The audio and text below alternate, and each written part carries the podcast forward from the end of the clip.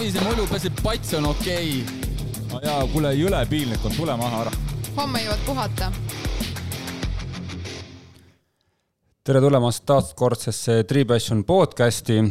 mina olen Priit eh, ja ma olen eh, saanud siia saatesse eh, ühe inimese, keda ma tutvustaksin seiklussportlan, seiklussportlane, seikleja ja väga tuntud meediainimene. tere tulemast saatesse, Kertu Jukum tervist, ilus algus oli, mulle väga meeldis see ja jah, täpselt, et ole siin saates siis inimesega, kes on seda tööd teinud nagu professionaalsel kujul ja siis eh, pannakse mind siin korralikult niimoodi proovile kohe no.. ma vaatan, et sa ei kukuta, äh, kantseliit ei ole väga sobilik selles saates. Äh, kindlasti tasub hoida energiat üleval ja positiivsust. Mm, mis asi see kantseliit on pärast saadan sulle. okei okay aga jah, äh, ma siis loodan, et Kertu rohkem räägib, ma lihtsalt vaatan pealt ja siis see järgmine tunnike meil umbes niimoodi läheb. aga mm, me enamasti siin kõikide külalistega natukene põgusalt räägime ka siis sellest natuke mineviku poolest, et kuidas siis oled sina jõudnud spordi juurde, vastupidava spordi juurde. sest mina tean sind aastast umbes kaks tuhat kümme, kui oli siis äh, esimene Triistar üks, üks, üks äh, Estonia Otepääl ja sina olid siis üks esimesi nii-öelda siis hea tahte saadikuid või ma ei mäleta, kas see nimi oli veel tookord siis selline või oli see mingi muu nimetus, mis sulle pandi? tead, ma isegi enam ei mäleta, ma mäletan ainult seda valu, mis selle võistlusega kaasnes ja neid tõuse seal Otepää teedel. aga see protsess, mis ennem toimus, seda? Ma mäletan väga palju kukkumisi trennides, mäletan kiirabis istumist, mäletan seda hetke, kui arst tuli äh, kusagilt ruumist välja, ütles jälle teie et eh, kuidas siis ikkagi see teekond sinnani jõudis, mis oli ennem kaks tuhat, kaks tuhat kümmet ja kuidas ikkagi Ain Soara rääkis siis? no mina olin äh, olnud äh, kogu aeg hästi spordikauge, mina olin selline luuletaja hing, kes armastas väga lu lugeda ja, ja mulle meeldisid üldse loovad ähm, alad ja, ja olenemata siis sellest, et mu perekond on väga sportlik. ema on mul treener, kehalise kasvatuse õpetaja, isa on ise hakanud treener ja nii edasi ja nii edasi. aga see nende välja pakutud spordiala, mida nad meile üritasid siis alates emapiimast ja hiljem siis nagu sellise kasvatuse meetodil edasi anda, oli võrkpall ja see mind tõesti huvitanud, see filosoofiliselt mulle lihtsalt see spordiala ei sobi, ma ei saa aru, miks, miks peab meeskonnana koos kusagil äh, mingit palli taga ajama. ja ma põhimõtteliselt, ma küll käisin seal trennis ja, ja, ja hästi vastu tahtmist, aga tegelikult ähm, minust sellist noh, mitte mingil moel isegi tervisesportlast ei saanud ja, ja viimaks äh, kuidagi see oli mulle nii vastu, et ega ma väga palju ka kehalises kasvatuses ei äh,, ei tahtnud käia või olin ma kogu aeg haige või olid mingid muud hädad. ja siis äh, olin ma juba otsapidi meelelahutusmaailmas, kui tuli ähm, Ago Arro äh, siis Ain-Alar Johansoni tiimist ja ütles, et äh, mis sa arvad, kui sina oleksid järgmised Triistar sada üksteist patroon ja mina olin tol ajal väga selline, ma olen praegu ka väga jaatav persoon, aga, aga toona olin ma eriti, ma ütlesin kohe ja mulle sobib, kujutasin ette, et siit tuleb fantastiline vorm ja mis see siis pole, kindlasti on see ju väike võistlus. Äh, kuni siis mu isa küsis, et äh, kuule, kas sa üldse tead, mis need triatloni alad on ja siis ma hakkasin mõtlema, et no mitte päris, aga mis need on siis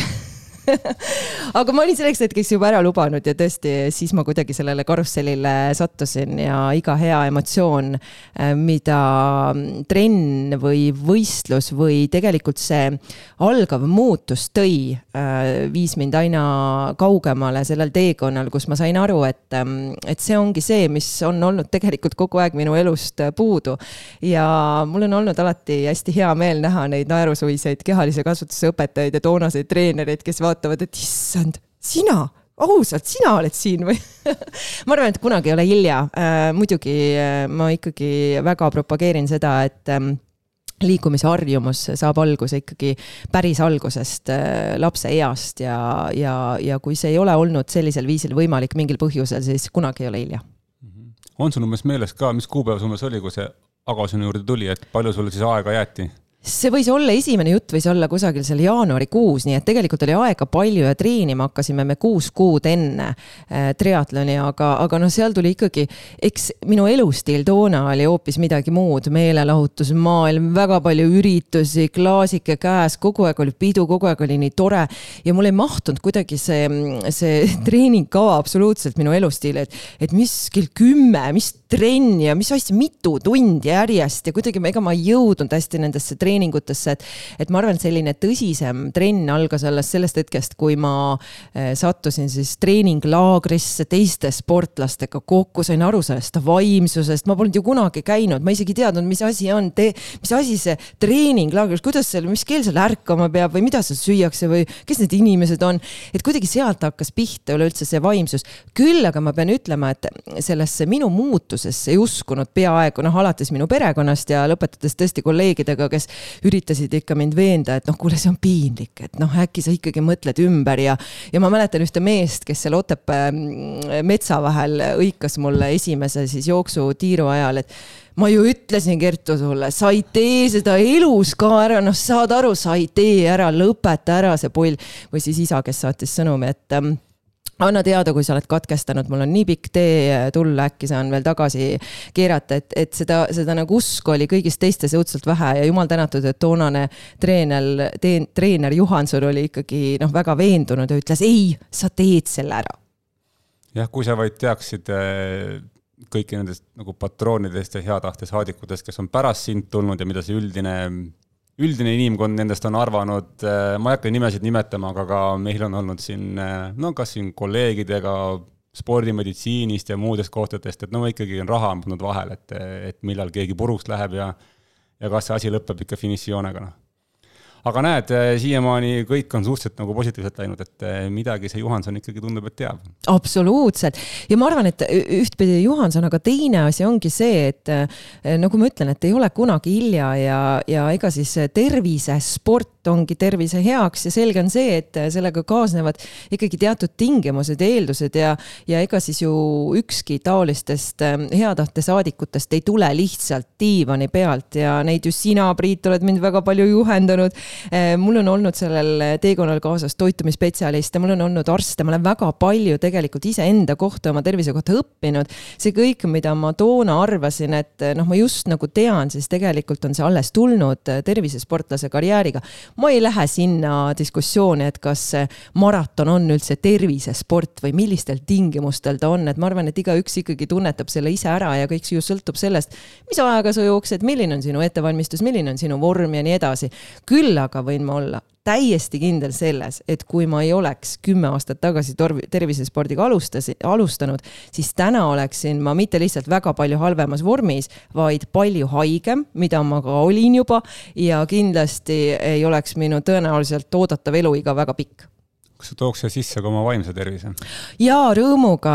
inimesed ikka küsivad minu käest, et noh, mida sa tarbid, et sa oled kogu aeg nii rõõmus, no keegi ei saa olla, siis mõni räägib mulle, ma mäletan, üks mu kolleeg Ra, Rauno Märks, ma tervitan sind, ütles alati, et tead, sinusugused on kõige ohtlikumad, et need kodus kindlasti nagu nutavad patja, et noh, keegi ei saa olla lihtsalt nii optimistlik ja positiivne kogu aeg ja siis ma vahel mõtlen, lähen kodu, koju ja mul on ikka nii tore olla. et noh, ega see ei ole ju, siin ei ole mingisugust saladust, teadus on selle kindlaks teinud, kui me liigume, teeme sporti, see meie aju saab rohkem hapnikku, äh, vabanevad heatujuhormoonid, me olemegi optimistlikumad ja positiivsed ja ma kasutan seda meetodit täiesti teadliku ravimeetodina. ka siin väga pingelisel ajal äh, äsja magistritööd kirjutades, ma võtsin selle tunni aja ja läksin, jooksin kas ennast tühjaks või läksin ujusin või ma tegin midagi, mis äh, kuidagi ikkagi maandas need pinged ära ja andis mulle hetkeks vähemasti, tihti ikkagi tunniks-kaheks päris hea tuju ja ma sain jätkata, et selles mõttes mõttes ei ole siin ju mitte mingisugust saladust, see on kindlaks tehtud. ja see on tõesti minu ravim olnud, et äh, ma siiamaani võin öelda, et ma ei ole oma elus tarbinud äh,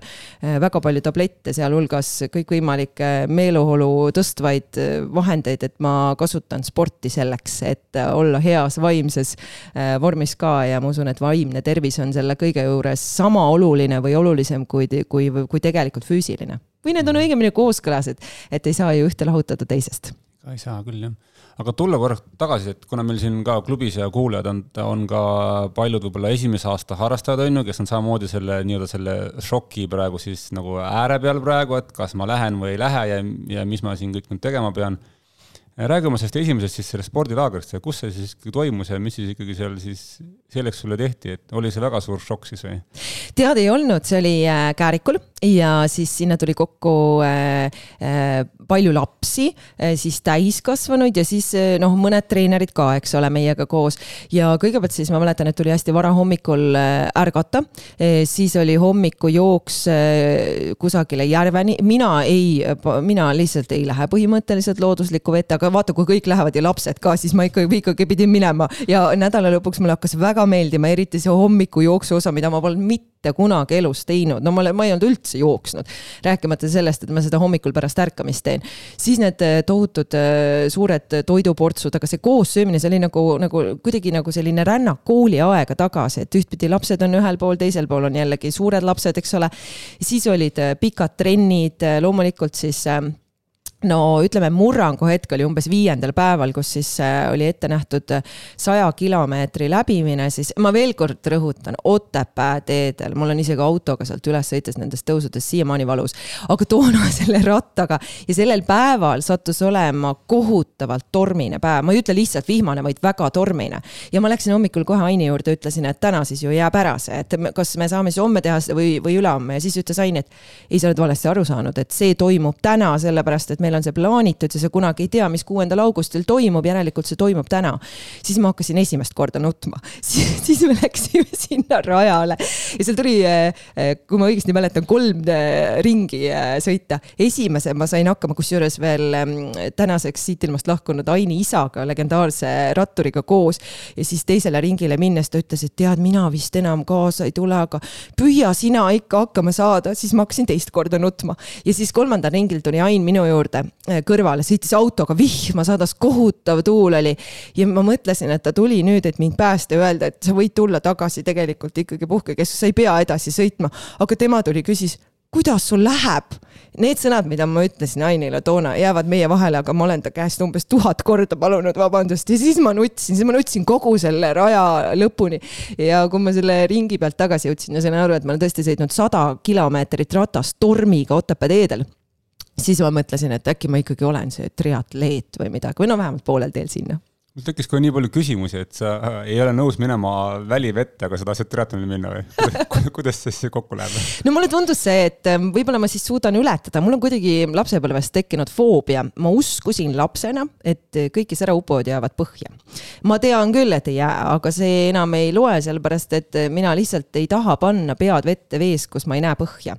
ja, ja ma olen üritanud sukelduda ja ma olen igasuguseid, noh, ma olen kuidagi üritanud seda isegi nagu ületada ja ma mõtlesin, et kui ma nüüd saan krooli selgeks kusagil basseinis, küllap ma siis lähen sinna vette. et ma olen teinud tegelikult suuri edusamme siin kasvõi äh, talisuppeldes viimased hooajad ja, ja ma ikkagi käin veekogudes erinevates, aga võib-olla see ei ole minu esimene valik, kui ma tõesti, kui see, kui see kuidagi see vee nähtavus on sellisel Eesti tasemel, et, et kui ta oleks nähtavam, siis ei oleks probleemi. aga ma arvan, et äh, sellised hirmud on ikkagi ületamiseks ja, ja, ja mulle ikka endiselt meeldib, kunagi ei ole hilja ma ei taha sind, sind kurvastada, aga aga noh, ette rutates rääkides siis edasisest plaanidest, siis eh, sa oled kunagi Harku järves käinud? ja sa umbes tead, kui nähtav seal vesi on? ma olen ümber Harku järve jooksnud ükskord, see ei lähe arvesse jah mm -hmm.? okei. et ma igaks juhuks ütlen, et seal põhimõtteliselt eh, ette sirutatud kätt ei näe nojah, see, vaata see, selle osani me ei ole veel jõudnud. aga me siis jõuame sinnani äh,. mingeid muid asju ei karda, vetikaid, veelukaid? Äh, ei, neid ma kardan ka, ma ei taha mitte mingil tingimusel, vaata äh, kohe, kui mina rääkisin oma foobia ära, siis üks minu lähedane tuttav ütles, oi, aga minu emaga juhtuski nii, tema ujuski Emajões laibaga kokku. ja pärast seda mina väga kardan seda, et mm, noh, et kui ma puutun näiteks vetikat või mingit muud asja, siis jah, siis on küll nagu halvasti, aga hea uudis on see, et ma arvan, et ma olen suhteliselt hea ujuja iseenesest, et ma olen väga vastupidav ujumises, mulle tegelikult ujumine väga meeldib. hoolimata sellest, et võib-olla, võib-olla viimased aastad ei ole ma seda otseselt harrastanud, et see on minu jaoks ikkagi olnud selline noh, siis kui satun, siis ujun aga ma olen saanud aru, et sa oled praegu tulnud veits juba tagasi, no sa oled mingid ühistreeningutel käinud ja juba mingi enesekindlus on juba käes. Ehm, no eks see on ka selline, et ühel päeval on parem päev, teisel päeval võib-olla ei ole he nii hea tunne, aga, aga ma juba olen teinud esimesi samme, et aru saada, kuidas ujuda krooli Äh, siin tekkis veel igast küsimusi. Äh, Aini isaga rattasõitmine, see võis ka päris huvitav olla, et äh, ma olen saanud aru, et tal on ka omad mingid tõekspidamised olid, et eh, kuidas ta vist ei joonud üldse või ka ta jõi hästi vähe ja ühe mingi pudeli ainult, et kuidas, mis need õpetussõnad olid? tead, me jutustasime toona ikkagi sellest, et see ilm on ikkagi nii halb ja kuidas siin vastu pidada, aga kuna tema teisel tiirul otsustas, et tema nüüd äh, läheb ära, siis ega me väga pikalt koos ei saanudki sõita, aga ma mäletan seda küll, et ta väga tunnustas, et kas sa tõesti sõitsid ära siis, kui ma olin juba noh, kolm korda nutnud või noh, enamus ajast nutnud, olgem ausad et see tunnus tunnustus oli väga armas ja, ja tegelikult see tunne ka, et issand, kas me, sest, sest ega siis sõitjaid oli teisi ka, aga need olid kõik ju mingid hullumeelsed sõitjad, nemad läksid kõik ees ära ja meie siis kaks jäime, jäime nii-öelda omaette sõitma, et, et selles mõttes need olid sellised, ega me väga palju ei rääkinud, sellepärast et ma ju rohkem nutsin, aga, aga see oli kuidagi hästi armas, et me selle ühe tiiru koos tegime ja see tema tunnustus hiljem oli samamoodi, mis mulle on väga hästi meelde jäänud. Et siis põhimõtteliselt, kui Taadu läks tagasi laagrisse, siis sa tegid edasi üksinda? ja,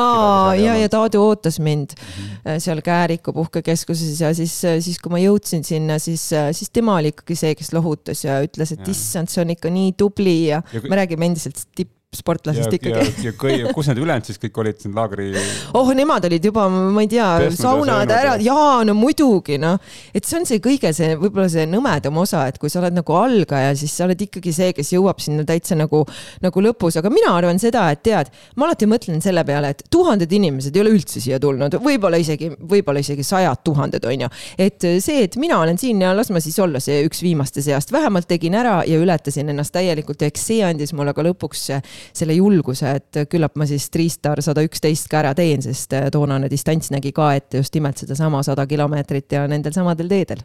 Jah, ma siin saate kuulajatele ka võin ära mainida, et tõenäoliselt te siis tegite trennis sedasama kolmekümne kilomeetrist ringi, kolm ringi on ju. sinna natukene ette, natuke peale ja see oligi. oi jumal. Ärme, me ei pea vaata, kui hästi sul kõik meelde sul jäi, see on nagu korralik sihuke võtmetreening eluks ajaks jääb meelde esimest korda vihmas tormis sada kilomeetrit kohe ja üksi veel ka, et kedagi väga toetavat ei olnud, et vahepeal vist keegi käis autoga või kes ütles? no Ain-Alar käiski. autoga? jaa, autoga, autoga, autoga, tegi korraks on, akna lahti. see on väga, see on väga hea treener. laseb akna alla ja ütleb, kuidas sul läheb ja. kuidas sul pak... läheb ja siis ta, no ta ei näinud, et ma nutan, sellepärast et vihma sadas nii kohutavalt. mulle see meeldib, tead, tead, tead, tead, mis mina oleks küsinud su käest või? mis sul juhtus ei, ma oleks, ei, mina oleksin soovitanud küsida, miks sa nii aeglane oled? ja, et miks sa veel siin oled? kas sul, kas sul, ma märgin, kas sul juhtus midagi või kas sul läks kumme katki või kuidas sa veel, kuidas sa veel siin oled? meil kõik oleme juba seal ammu valmis ähm,. okei okay. äh,, esimene triatloni võistlus see oli esimene ja viimane, ma lubasin, et mitte Päriselt? kunagi enam, jaa. seda, seda ma ei mäletanud. jaa, ma tegin selle ühe ära ja siis ma lubasin endale, et mitte kunagi, mitte kunagi enam. Aga räägime sellest siis natukene. millest?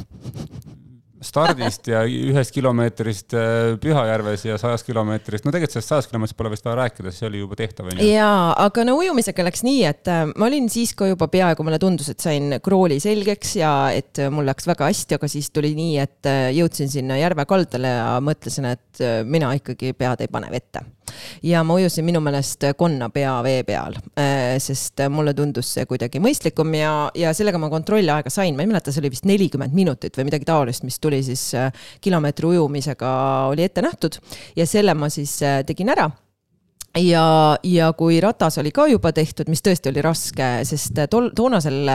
Eh, triatlonil juhtus olema ju Eestis kohutavalt kuum ilm, meil oli kolmkümmend kuus kraadi. ja kui ma õigesti mäletan, seal oli ligi nelikümmend või viiskümmend inimest, kes katkestasid või kukkusid kokku selle kuuma tõttu. no minu jaoks see kuum ilm on alati olnud nagu pigem selline jackpot, et ma olen alati tundnud pigem, et ma olen valesse kohta sündinud ja ma võiksin kuskil lõunas elada. Eh, nii et selles mõttes mul ei olnud nagu väga raske, aga noh, jooksus, ega siis see jooksurada ei ole ka seal ju teab mis lihtne, see oli ikkagi üles-alla, üles-alla ja arvestades, et ma polnud noh, praktiliselt oma elu elus mitte kunagi jooksnud, et, et see kaks kilomeetrit, mis koolis, ma mäletan, kord äh, aastas tuli ära joosta, see oli alati minu jaoks selline noh, kõige vihatum päev nagu aastas, et täna on see vastik päev, me peame minema kahte kilti jooksma, ega ma ei jooksnud, ma pigem nagu kõndisin või siis noh, kiirkõndisin.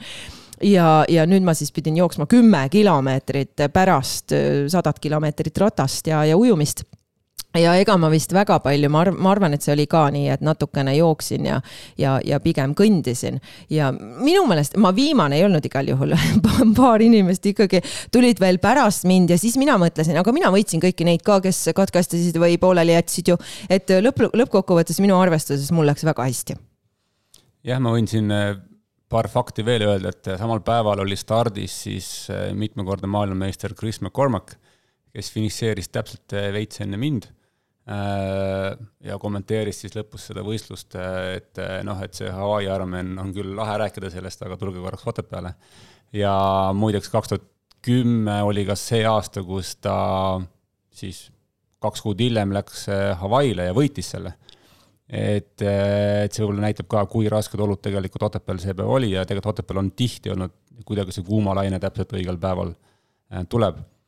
Ähm, mis veel ähm, issand, mul läkski nüüd meelest ära aa, ma mäletan sind äh, finišis ja sul oli vaja, sul oli vaja järgmine päev kuskile minna, mingi, mingi üritus oli. aa, ma läksin reisile kohe, järgmine hommik läks lennuk ja. reisi, reisile minna, ma mäletan, et äh, ma olin seal mingi, kargutasin ringi täiesti krampides, äh, siis sa seal keksisid ringi ja siis ma mõtlesin ka, kuidas see võimalik on, et ma teen sinust poole kiiremini asja, asja, asja, asja, asja läbi ja ma olen põhimõtteliselt invaliid ja siis sa põhimõtteliselt äh, olid seal nii õnnelik olid ja läksid veel reisile ja jooksid seal ringi, siis mõtlesin, okei okay,, et tegelikult peaks ka äkki, äkki peaks ka võtma kaks käiku alla, alla, allapoole, et hakkame rohkem elu nagu nautima, et nii ka päris ei saa, et. et äh, vahet ei ole, mis see aeg sul oli, on ju, kus sa seal olid, eh, ma arvan, see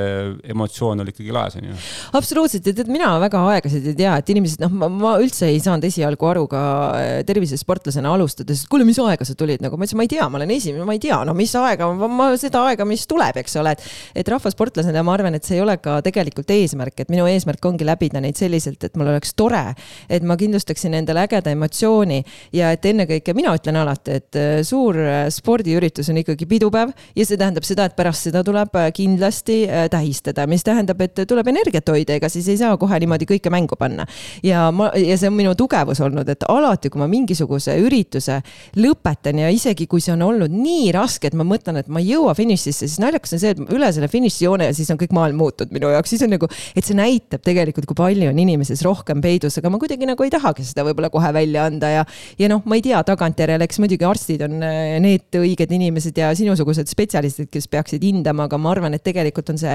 taktikaliselt olnud õige, et ma siiamaani eh, noh, mul ei ole tõsiseid ei, ei vigastusi ega, et noh, ma ei ole kunagi elus olnud nii terve, kui ma täna olen. Eh, ma saan nüüd juba öelda, et üle kahe aasta olen ma täiesti terve, inimene räägib seda, kes on kogu aeg olnud haige, kogu aeg on mingisugused hädad ja vigastused ja kuskilt valutab ja nii edasi. et selles mõttes ma arvan, et kõik see nagu taktikaliselt ongi olnud õige ja, ja pärast üritust üritusi pärast maratone, mis iganes spordivõistlust tulebki pidutseda ähm,? tulles tagasi korraks selle ettevalmistuse juurde, et, et noh, on ka siin mingeid müüte, et triatloniks ei peaks üldse treenima, et lihtsalt lähengi, hommikul tuleb mõte, lähen teen läbi, mis sa sellest arvad, et, et mingisugune ettevalmistus peaks ju olema, et isegi, isegi siis, kui sa teed seda omale oma lõbuks ja kõik on äge, mingisugused sada kilomeetrit vihmast peaks ära tegema ju. No mina ütlen alati, et, et ma ei ole arst ja ma ei ole treener ja ma ei ole selle ala tippspetsialist, aga jumal tänatud, mul on olnud võimalus oma ala tõeliste tegijatega kohtuda ja, ja kõiki, kogu seda plaani pidada, et loomulikult eh, lollusega ei ole mõtet ka tegeleda, et eh, eriti noh, ma vaatan, et see on ikkagi sellise, vabandust, aga keskealiste Eesti meeste probleem, kes hakkavad tippsportlaseks üleöö. Ja siis on kindlasti vaja ju sellest naabrimehest parem olla ja siis sellest atsist, kellega koos eile sai võib-olla natukene ka rohkem võetud, et noh, milleks nagu sellist lollust, et, et kes elada ei taha, noh siis muidugi minge ja riskige, on ju, aga võib-olla siis mitte nagu spordivõistlustele, et ikkagi, et, et noh, miks teised peavad kõik selle trauma saama, et see, see on nagu lollus ja ma vaatan, et, et mida aeg edasi, seda ikkagi on rohkem ja ma mäletan, see oli mm, minu elu vist teine maraton, mis oli siis, äh, nägi ette topeltmaratoni Berliinis, kus ma ühel päeval siis tegin äh, nelikümmend kaks rulluisku ja siis nelikümmend kaks jooksu järgmisel päeval peale. ja siis kuidagi need rulluisutajad, kes olid kõvad pealttegijad ei saanud ikka aru, et no aga mis aega noh, et sa pead ikkagi nagu, et mis aega siis, ma ütlesin, ma ei tea, ma ei ole kunagi rulluisutanud nelikümmend, ma ei tea, noh, et ma vaatan, et tänav läks libedaks ja ma ei tahtnud väga kukkuda ka ja siis me kohtusime pärast seda võistlust. ühel oli siis ninaluu, teisel oli äh, käeluu onju ja need poisid on mingi nelikümmend kaheksa, viiskümmend kaks, ma ütlesin, poisid, te, teie terv-, noh, et te sõitsite, mis te sõitsite nüüd kolme tuhande sekka kuskil Saksamaal, no so onju, et mis see siis nagu annab versus see, et sa oma tervise paned tegelikult arvele, aga noh, võib-olla mõni inimene mõtlebki, et noh, olengi siin tippsportlane kaks aastat ja rohkem ei olegi vaja elada. Läheme sealt edasi, tegid selle triatloni läbi ähm, nendest nagu hea tahte saadikutest, patroonidest, kuidas me iganes nagu nimetame. tihti on, on noh, vähemalt mina vaatan seda nagu selle pilgu järgi, et okei okay,, me eh, noh, mis me ka siis ütleme seda triatloni klubiga teeme, et okei okay,, me toome selle inimese triatloni juurde, on ju, ta tahab tulla, tal esimene aasta on alati emotsioon üleval, kõik on nii äge, iga kord lähen kiiremaks, esimesed triatlonid, need kõik asjad on no ära, on ju. kui see inimene ei jää kuidagi triatloni juurde ka pärast esimest aastat või isegi pärast võib-olla kahte-kolme aastat, kus enamasti tekib see niisugune platoo, kus enam väga võib-olla ei ole nii, nii enam äge, kõik läheb nagu igavaks, kõik olen juba nagu teinud, on ju. Ja siis äh, ütleme, et me ei, ei, ei ole nagu siis kohati, ütleme siis niimoodi, et äh, ei ole ju olnud edukas projekt, kui see inimene ära kaob pärast seda. et siis tegelikult me nagu ei õpetanud talle midagi ju. et ta nagu tuli, tegi, läks minema, aga sa tegelikult ju jäid, sa jäid äh, jooksma maratoni ja Margus Pirksaarega, et see tegelikult oli ülipositiivne nagu, et et sa Rocki triatlonisse ei jäänud, võib-olla liiga palju seda sinu jaoks kõike seda äh, swim bike run'i on ju, aga tegelikult sa jätkasid ju jooksmist ja minu arust isegi kohati see läks sul isegi nagu professionaalsemaks veits või ma eksin? Äh, ma tegelikult äh, ütleme nii, et jooks on jäänud kuidagi läbivaks, sest mulle meeldib maratoniturism ja see on lihtsalt minu viis äh, ennast motiveerida trenni minema, sest nagu ma ütlesin, mul ei ole lapsest saadik ju olnud harjumust ja mul on väga raske, kõik, kes arvavad, et ma olen õudne sportlane, siis ei, mulle meeldib kõige rohkem tegelikult diivani peal olla ja magada ja mitte midagi teha. ma pean ennast väga sundima midagi tegema, aga kui mul on ikkagi maraton kirjas, eriti kui see on kusagil mujal maailmas ja, ja see eeldab suurt nii-öelda sebimist, sinna jõudmist ja, ja suuri kulusid, siis ma kindlasti ikkagi kaks kuud trenni teen selleks, et minna ja joosta. Ehm, teine asi on see, et eks mul ikkagi spordialasid tuli väga erinevaid, et ma olen siin aegade jooksul suusatanud, mul on olnud eh, ka eh, mägede nii-öelda vallutus on vale sõna, Alar Sikk ütleb, et ei tohi öelda mäevallutus, aga, aga mägedes käimisi ja üsna kõrgeid mägesid, et ma olen nagu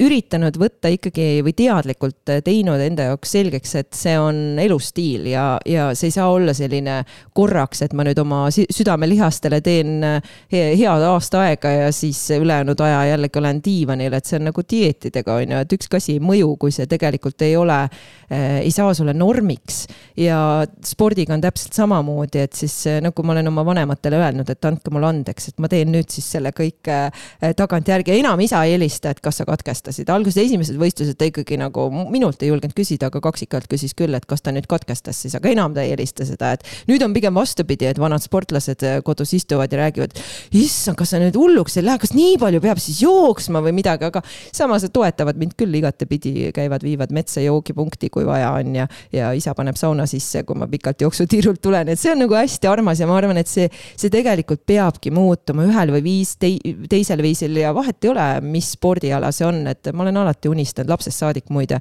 võistlustantsust ja ma ei välista, et ühel päeval hoopistükkis lähengi ja hakkangi võistlustantsu tegema, et et äh, peaasi on see, et inimene liigub. kui sa nüüd võrdled oma seda esimest maratoni, esimest triatlonit, mis need erinevused olid, et äh, kumb siis nagu raskem oli või, või? no need ei ole võrreldavad, kunagi nagu, ähm, kusjuures see oligi esimese maratoni eel äh, just Stockholmist tuli üks Eesti mees minu juurde, ütles, kas sa oled esimest korda, tema oli umbes neljakümne kuuendat korda, ütles mulle need sõnad, et ähm, jäta see meelde, esimene maraton on kõige ilusam maraton, see on ilusam kui su esimene abielu. ma ei ole veel abiellunud, aga, aga mulle on alati tundunud, et tõesti see esimene emotsioon jääb hästi tugevaks. kui ma nüüd võrdlen seda triatloniga, siis see triatloni äh, läbimine oli minu jaoks elumuutev otsus ikkagi ja võib-olla mitte tol hetkel nii teadlik, aga see oli nagu, see oli nagu ikkagi selline nagu iseenda jaoks mingisugune, mingi punkti panemine, et tegelikult mina suudan ka, et see, see kogu see, see mõnes mõttes lapsepõlv lapsepõlves ja ka hiljem tegelikult kogetud jutt, et noh, sina, noh ei, sina küll noh, alati on lapsed, lapsed naernud, et ma ei jõua ju pesugi välja väänata ja noh, ma olen nii nõrk ja siis isa alati, kui olid rasked tööd, siis ütles, et no sina jää mammile siia kööki appi, et ega sina küll ei pea tulema, on ju, et ma olin kogu aeg, olingi selline nõrguke ja siis ma olin haige ja siis, siis noh, kogu ja, ja kõik andestasid mulle ka kogu aeg, et noh, jää sina siis kõrvale, et sinust ei ole meil asja. et ma kuidagi sellega ületasin ja, ja tegelikult see ei ole olnud ainult see, et, et ma nüüd suudan joosta kümme kilomeetrit või nelikümmend kaks kilomeetrit, vaid tegelikult sellest hetkest peale ma olen äh, järjest rohkem teadlikult suutnud ka muudes asjades äh, olla edukas, et kõik need koolid, mis mul on jäänud pooleli, ma olen kõik võtnud järjest ja hakanud äh, lõpetama ja, ja ma võrdlen vägagi, ma võrdlesin ka näiteks magistri lõpetamist sellega, et, et ähm,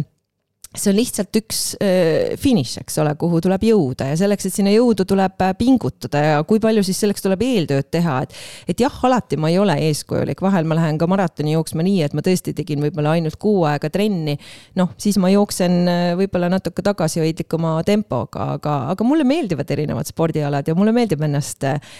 panna selles mõttes ühtpidi ka proovile, aga mõistuse piires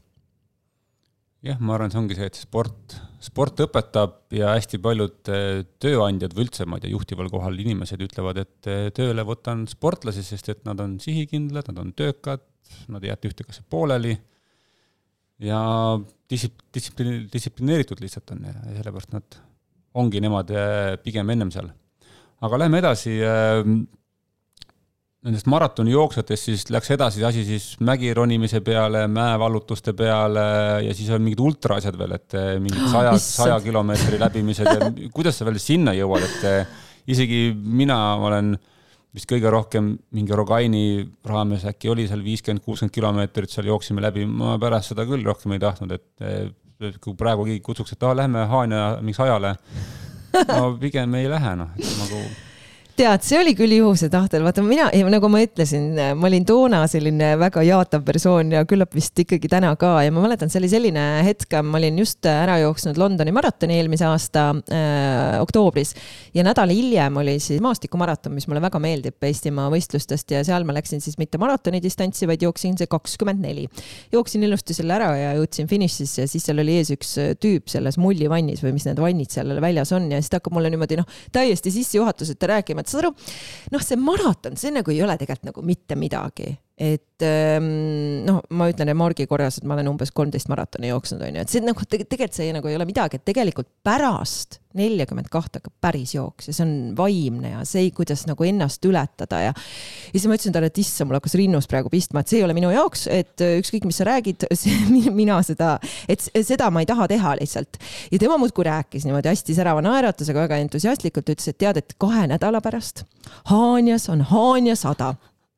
ma ei olnud sellest võistlusest midagi kuulnud. mis aasta see oli, on sul meeles ka? ei, see oli eelmisel aastal, eelmisel aastal ja ah., ja, ja, ja siis ma ja noh, ma sain aru ju, issand, ma olen just jooksnud maratoni, nüüd jooksin kakskümmend neli peale, ilmselt on natukene ikkagi juba selline ülekoormuse oht. ja ma ütlesin talle ei, et ükskõik, mida sa räägid, et see on noh, see on nagu mõttetu ja, ja siis ma ütlesin, ei, mul juba rinnus on nii valus, et olgu, et ilusat päeva sulle ja kogu lugu. ja siis ma läksin koju ja see jäi mind kripeldama, see mind õudselt kripeldama, ma mõtlesin, et aga, aga noh aga võib-olla tõesti on see nagu vaimne, siis ma rääkisin arstiga, oma mentoriga, kes on arst ja tema ütles, et ähm, tead sa, et ähm, noh, tegelikult on küsimus selles, et kui oleks hea ilm ja, ja ütleme, et äh, tegelikult oled sa heas vormis, siis tõenäoliselt sa suudad seda ikkagi, temperatuur peab hea olema, et sa ei jääks kuidagi energiadefitsiiti. no ja siis ma sain juba nagu teise nagu sellise noh, võib-olla siis nagu kind-, kindlustunde juurde. Ja kui ma olin helistanud korraldajale, kes ütles mulle kohe sellised sõnad ei no sa teed selle ära,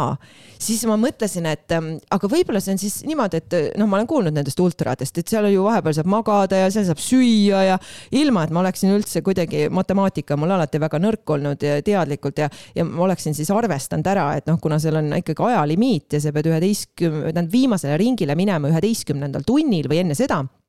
siis äh, esimeste kilomeetrite või esimese ringi äh, aeg peab olema ikka suhteliselt, see see ei ole, sa ei lähe sörkima ja me räägime äh, Haanja tõusudest ja äh, langustest. Ja sellel päeval juhtumisi oli siis seitse kraadi äh, sooja, sooja siiski veel äh,, sadas kogu päeva vihma, õudne pori, aga no ma olin juba kohal ja, ja siis ma mõtlesin, noh, mis noh, et jah, et noh, ilusa ilmaga kõik, aga noh, et ma olen nüüd ju siin, et mis ma nüüd siis teen. siis ma jälle, vot need on need hetked, kus ma tahaksin nagu lihtsalt ära kaduda kuskile, aga ma olin juba lubanud, on ju, et no ma siis tulen proovin. kellele sa lubasid? No ikkagi ma ma alati püüan ikkagi kellelegi välja selle öelda, kas siis teha mingi avaliku postituse või mingi, see pidi muide täiesti käitumisteadlane Andero Uusberg ütleb ka, et tasub välja öelda, avalikult kohe välja öelda ja, ja see ei pruugi olla siis sinu Facebooki postitus, aga lähedki ütled oma emale-isale onju. ja noh, siis on õudselt piinlik, kui sa siis ei lähe või hakkad seal jonnima hommikul kell seitse äh,, seisad seal juba Haanja parklas onju ja siis ütled, oh mina ei tulegi onju. ja, ja siis ma muudkui jooksin ja jooksin ja vot seal ka ikkagi, kui mul olid jalad ikka täitsa porised ja ma olin kukkunud ja siis äh, mitmed inimesed, väga palju katkestab just kaheksakümnendal kilomeetril ja siis mitmed mu kõrvalt olid katkestanud ka ja siis ma ikka täitsa kohe nutsin seal ja, ja siis ma küll oletasin ja mõtlesin, see on kõige raskem asi, mida ma üldse teinud olen ja miks ma siia üldse tulin. aga mm, minu head sõbrad Alar ja Tom, kes siis äh, turgutasid mind vahepeal, tulid üllatusena kohale ja turgutasid mind iga ringi peal värske apelsinimahlaga ja need hetked andsid, need on siiamaani mul juhukarvatused püsti, ma mõtlen, see oli nagu nii äge, et äh, ma ei taha öelda, et ma tahan seda uuesti teha, sest ma püüan ikkagi nagu mitte korrata, et teha nagu uusi asju, õppida uusi võib-olla kohti või, või mis iganes, aga, aga see oli nii äge ja kui see sada sai tehtud ja ma jõudsin finišisse, mul oli selline tunne, et nagu mis Priit Alt ja mis tippsport, saad aru, mina olengi, mina olen põhimõtteliselt tšempion nagu, et mul oli siuke tunne, ma olen äkki mingi maailmameistriks nüüd saanud. ja, ja see, vot see medal on küll minu jaoks üks nendest medalitest, mille juures ma mõtlen, et see on minu jaoks hästi suure väärtusega, et eks me ikkagi, mida rohkem me ju teeme mingeid teatud asju, noh, seda nelikümmend kahte, seda võib-olla mõnes mõttes väiksemaks see väärtus kasvab, et mina küll otsin ka mingit kultuurilist võib-olla väärtust, et kui ma käin kusagil Havanna maratoni jooksmas, seal on hoopis teised nüansid, mida ma juba kogen ja, ja ootan ja otsin. aga siiski eh, on, on oluline ka see, et noh, meil on seda kuidagi seda õnnetunnet võib-olla natukene rohkem tabada ja ma ei taha siin öelda seda, et järgmiseks tuleb nelisada kuuskümmend kilomeetrit, on ju. aga iga selline uus distants või uus koht õpetab ikkagi hästi palju ja järgmiseks ma tegin siis eh, selle aasta jaanuaris jaanuaris oli, kui ma õigesti mäletan, Taliharja Vanakuri. no mina mõtlesin, see mingi sada, ma olen ju matkaja, mis mingi sada kilti matkata siis talvel nagu ja, ja siis mis termokile, mis midagi ei pea kaasa võtma, see on lihtsalt Eesti metsas, seal on kõik õudselt tore. ma ütleks, et see oli äh, veel raskem, sest kakskümmend kaks tundi kannatada seda külma, valu ja raskust, see oli tõesti üks raskemaid väljakutseid, mida ma oma elus olen siiamaani teinud täitsa hästi, jah. jah, Priit Alt oleks Haanja saja pakkumise peale isegi poleks oma jalgu tõstnud diivani laua pealt maha, sest nagu ma nagu tunnen oma piire ja ma tean, milleks ma olen valmis ja, ja nagu nõus minema ja, aga jah, eks äh, kui Ivar seda Haanja jala hakkas tegema, ega mul kripeldab tegelikult. no, Priit, kui sina lähed, võtad osa, siis võib-olla ma tulen uuesti. mul tegelikult kripeldab, mul tegelikult Oi, kogu see, kogu see sajane programm seal kripeldab äh, natuke. see on imetore. Ja need tädid, kes seal, issand, ma mäletan, ühed tädid hõikasid mulle, Kertu, kuidas sa vastu pead, no siis ma hakkasingi pillima. Ja siis nad saatsid mulle ühe poisi järgi, et minge nüüd toetage, et see Kertu nutab no,, jookseb ja nutab. Seal, ma tõesti nutsin, aga, aga aga ma arvan, et iga selline asi ikkagi nagu, see on sulle ka ja sa pead minema. kas panen kirja?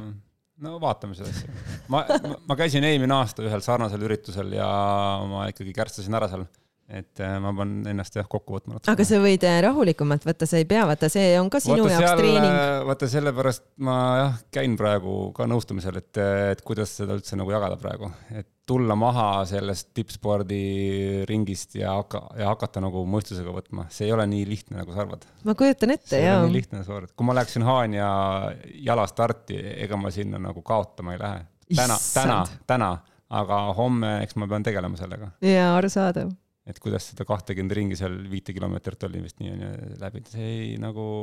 mul hakkab. kuus koma kuus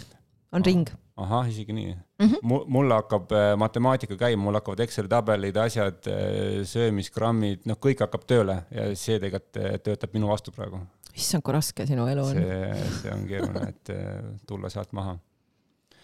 um, soovid sa rääkida mingit palverännakutest ka või kuidas need üldse, kas sellest on või see pole üldse sinu jaoks nagu päris see? ei no see on ikkagi tegelikult ju iga selline, no ütleme, see palverännak oli küll jälle selline nagu, minule ei meeldi ettevalmistused, onju, kui sina räägid siin oma grammidest asjadest, siis mina lihtsalt nagu istun diivani peal, mõtlen, et äh, asi on nüüd jama. Äh, minu vanaema siit ilmast lahkumine oli mulle kuidagi vaimselt ikkagi niivõrd raske, ma ei saanud sellest üle ja siis oli koroona järjekordne laine, ma ei tea, mitmes ja ja kooli oli läinud distantsõppele ja ma mõtlesin, et ma lähen vist hulluks ja istusin oma kodusel diivanil ja mõtlesin, et mis väljapääs mul on.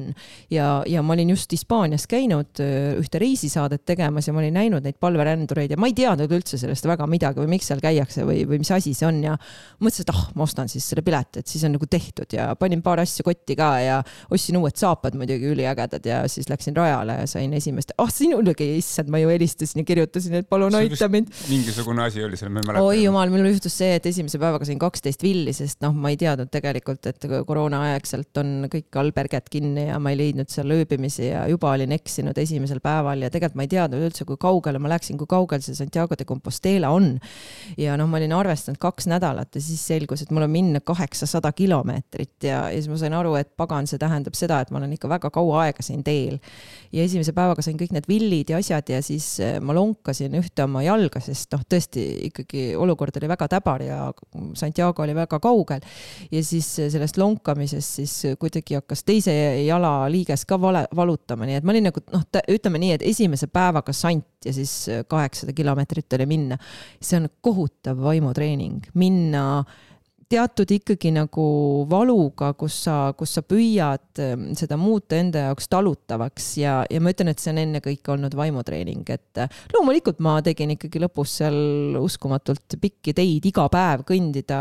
noh, kolmkümmend kilomeetrit oli võib-olla selline miinimum, võib-olla mõnel päeval ka kakskümmend kaks, aga enamasti oli ikkagi see ja me räägime Baskimaast on ju seal väga ikkagi äh, kõvadest tõusudest ja noh, hiljem Primitivo rajal samamoodi, et ikkagi oli ka tõusumeetreid mõnel päeval kaks tuhat meetrit, et selles mõttes ikkagi väga raskest rajast ka. Ja ma muidugi, ega siis kui ma teel sain aru, et siin tuleb veel valida nagu vahepeal mingeid teeradasid, mina võtsin ikka kõige raskema, sest mul oli sihuke tunne, et kui ma juba siin olen, et noh, siis olgu. aga, aga kogu see Hispaania pandi kinni ja, ja ühel hetkel oli mul võimalus, kas, kas ma üldse jõuan, et siis pigem nagu hästi kiiresti seda teed läbida. Ja oli päevi, kus ma tegin ka viiskümmend kilomeetrit. Ja kott oli raske, noh, seda ma ju ei teadnud, et tasub ikkagi võimalikult vähe võtta, aga samas teistpidi poed olid suletud ja ega aeg-ajalt oli see ainus võimalus varuda endale mitme päeva toit ja, ja minna siis teele, et ta oli väga, ma arvan, et see oli selline aeg millist aega, see oli sajandeid tagasi, kuidas tehti palverännakut. täna on see väga ikkagi selline noh äh,, hästi mugav on ju, iga nurga peal on sul kohvik ja hästi palju kaasteelisi ja nii edasi, et, et see meie sattumine või minu sattumine ja kaks kaalt, kaasteelist, kes pool teed olid minuga eh,, sinna sattumine oli ikkagi selline noh, väga askeetlik ja väga-väga vana aja hõnguga ja see õpetas mulle kohutavalt Äh, palju, tõepoolest, nii et ma ei alahinda, ma arvan, et, et ega aeg-ajalt tulebki võib-olla selleks, et triatlonile minna, tuleb alustada matkast, et, et oma võimete piires, kõik ei pea minema kohe sadat kilomeetrit ratast läbi, ma võib-olla see ei olegi tervise seisukohast ka mõistlik. sa oled midagi oma elus, ütleme siis alates siis ma ei tea, kaks tuhat kümme või selle spordiga seoses midagi katkestanud ka või? Ei, ma olen jätnud ühe korra ühele võistluse, nii-öelda projektile. Äh, olen, olen pannud tervislikel põhjustel, kuna operatsioon tuli vahele ja, ja siis tõesti arst ei lubanud mul minna. aga ei, ma ei ole ühtegi võistlust. Ja vot see on minu jaoks põhimõtteline, et kui ma juba seal olen ja, ja tegelikult ma, ma ei, ma ikkagi ju, ma ei jäta kunagi ettevalmistust tegemata, võib-olla vahel on seda natuke vähe, aga ma igal juhul ikkagi võtan kuulda ja oma ala spetsialiste, selleks ongi treenerid, et ma ei, ma ei tee, noh, võib-olla täna ma nagu ütleme, et kui ma lähen maratonile, siis ma suudan ikkagi juba ise ka tean, kui tihti ma pean jooksma ja kui palju ma pean jooksma. kui ma tahaksin nüüd aega parandada veelgi, mul siin on mõte, et võiks ikkagi ühel päeval alla nelja joosta, et siis, siis tõesti ma jälle kasutan spetsialisti abi, aga muudel juhtudel siis ei, kui juba mindud on, siis tuleb ikka läbida ka ja naeratus näol lõpetada ma arvan, et sellest saab meie podcast'i siis üks, üks siukse lemmikum osasid, kellel on nagu mingid rasked hetked võistlustel, siis tuleb jälle meelde tuletada, et nagu sa ütlesid, et miks ma siin olen, mida ma siin teen ja kui ma siin juba olen, siis oleks nagu ilus ikka lõpuni teha, et. üks asi veel, mis tuleb endal meeles hoida, sa õpid ainult raskustest ja tead, kui mul on nii raske, et mul pisarad jooksevad ja ma olen enda peale pahane, siis ma kordan endale, see on see hetk, kus ma praegu õpin. ainult raskusest me õpime, kui meil on kõik hästi, siis me ei õpi mitte midagi. jah, võtsid sõnatuks um, lõppu räägime siis, mis siis see aasta juhtuma hakkab? No mis nüüd hakkab siis? no mis, mis, mis rahvas arvab? miks sa, miks sa siin saates oled ja, aga no pärast seda kõike kuuldes, noh, kui ma ennem natukene mõtlesin, et kes see Kertu üldse on ja mis ta siin matkab siin saabastega ringi, nüüd ta tahab tulla täis, täispikka tegema, no ma veits mõtlesin, et noh, noh, anname talle võimaluse. aga nüüd ma ei näe küll mingit probleemi, et mingi kaheksasada kilomeetrit, sada kilomeetrit, see on ainult täispikk. see on asfaldi peal, sa veered lihtsalt nüüd ütlesid sa selle välja siis? päike paistab ja kõik on nagu, kõik on nii nagu eelmine aasta, kui sa tead, mis ilm oli eelmine aasta mm -hmm. täispikal oli no umbes nagu täna praegu, vihma sajab, tuul oli mm. -hmm. aga see aasta tuleb hästi ilus ilm, ma arvan mm. -hmm. kuum yeah no tegelikult oli see nii, et ma olin tõesti lubanud, et mitte kunagi, mitte kunagi enam ja, ja, ja üks asi võib-olla, mis mind on kripeldanud, ongi Ironman ja me räägime täispikast siinjuures ikkagi mitte poolikust, mitte mingisugusest olümpiadistantsist, me räägime täispikast kolm koma kaheksa ujumist, sada kaheksakümmend kilomeetrit ratast ja täispikk maraton otsa. ja eelmisel aastal, teadmata, et Eestis on Tallinna Ironman, sattusin mina sinna, see on minu kodutänav, mina sattusin sinna jooksma, kus need äh, siis Ironmani tegijad lõpetasid oma jooksu ja see emotsioon, mida ma sealt rajalt sain. noh, ma elasin neile niimoodi ikka kaasa, et mul oli ikkagi hääl ära selle poole tunniga, mis ma seal üritasin ise joosta ja siis teisel päeval, kui oli äh, pool äh, siis triatloni tegijad, siis ma läksin teadlikult sinna ja siis mingid inimesed tee ääres nägid mind ja ütlesid, ei no mida sa siin karjud, et sa peaks seal rajal olema ju ja, ja siis olid need ähm, kaasaelajad ka, et nagu, et miks me sind seal ei näe, onju, ja siis, siis ma esimest korda hakkasin mõtlema, et no,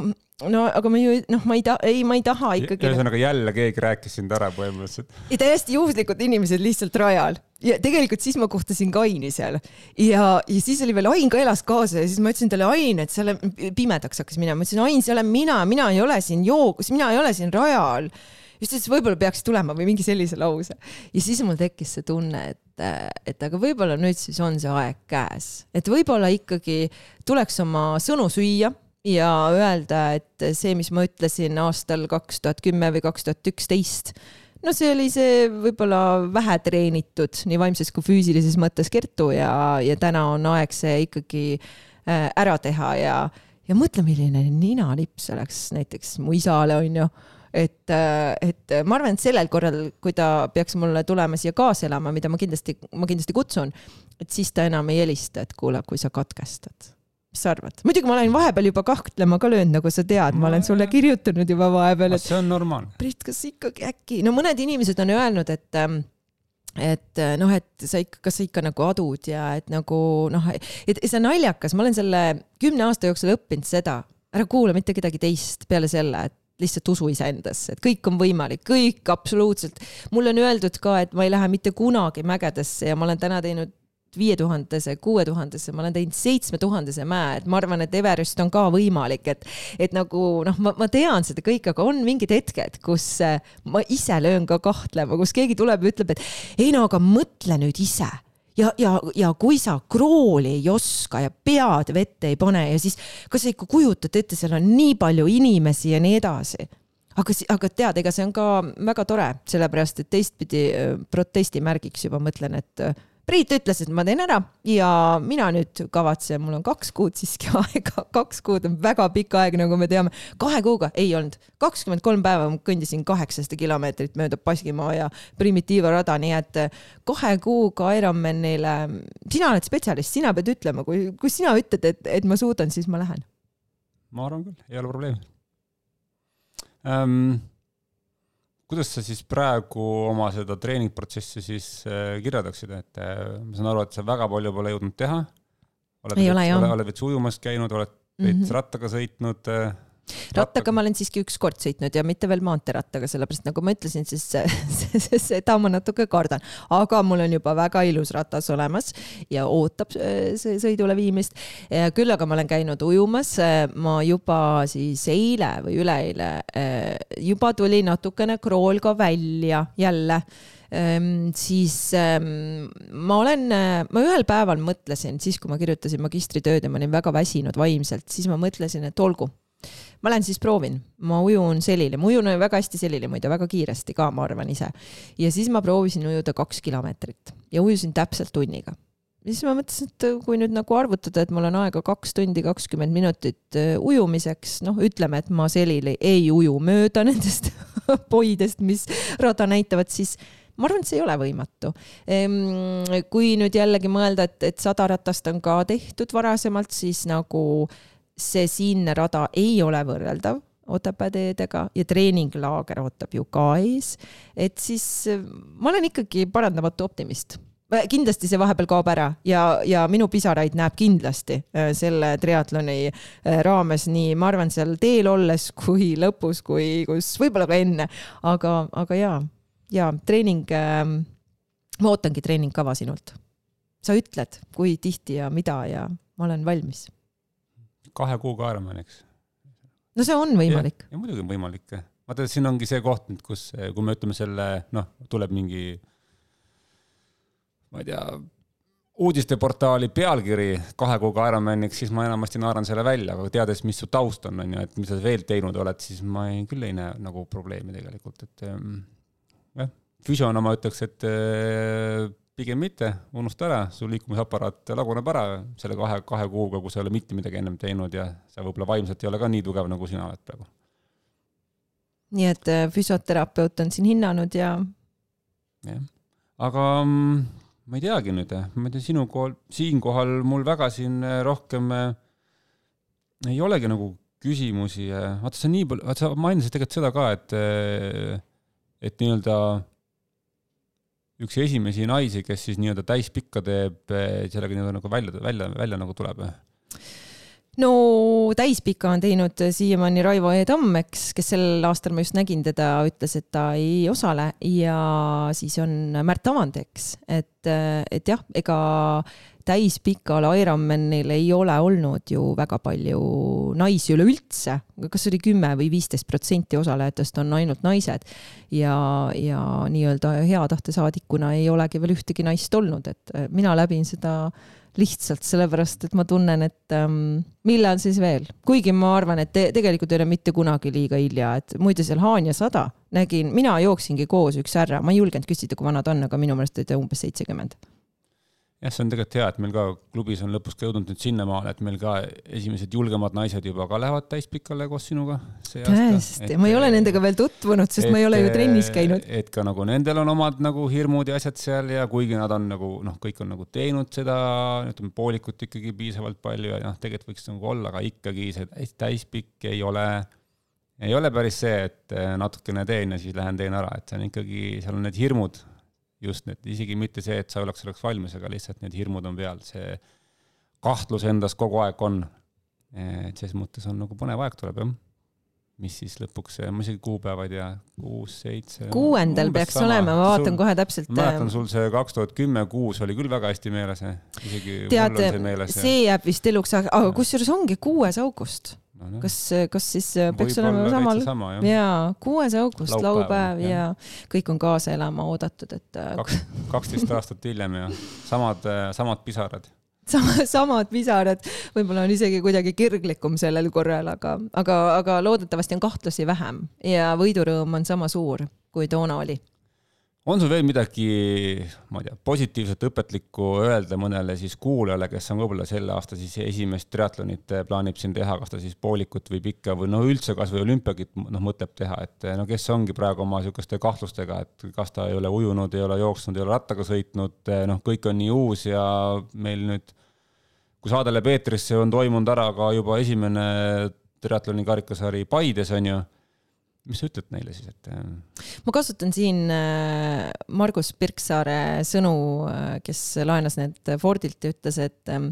kui sa usud, et sa suudad või sa usud, et sa ei suuda, mõlemal juhul on sul õigus et tegelikult see algab ikkagi sellest, et sa iseendale ütled, et aga, aga mina suudan ja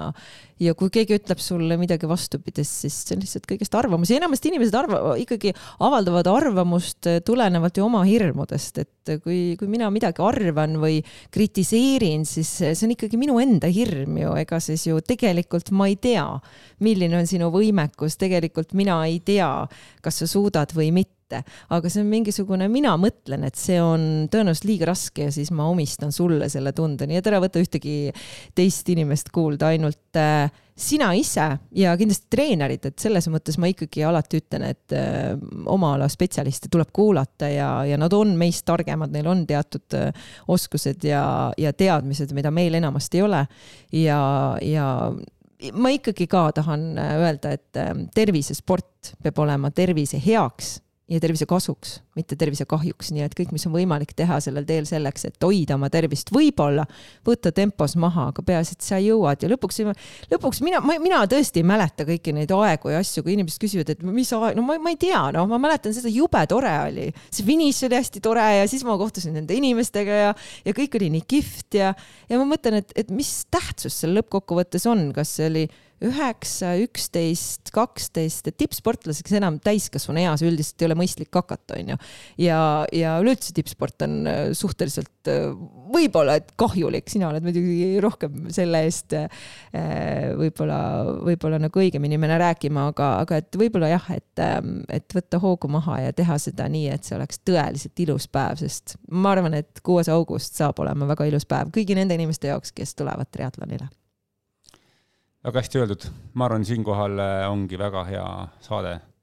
kultuda lõppenuks ja me vaatame, äkki me siis kutsume sind veel tagasi, kas siis vahetult ennem või siis vahetult pärast äh, läbitud Ironmani. aitäh, tulid! aitäh!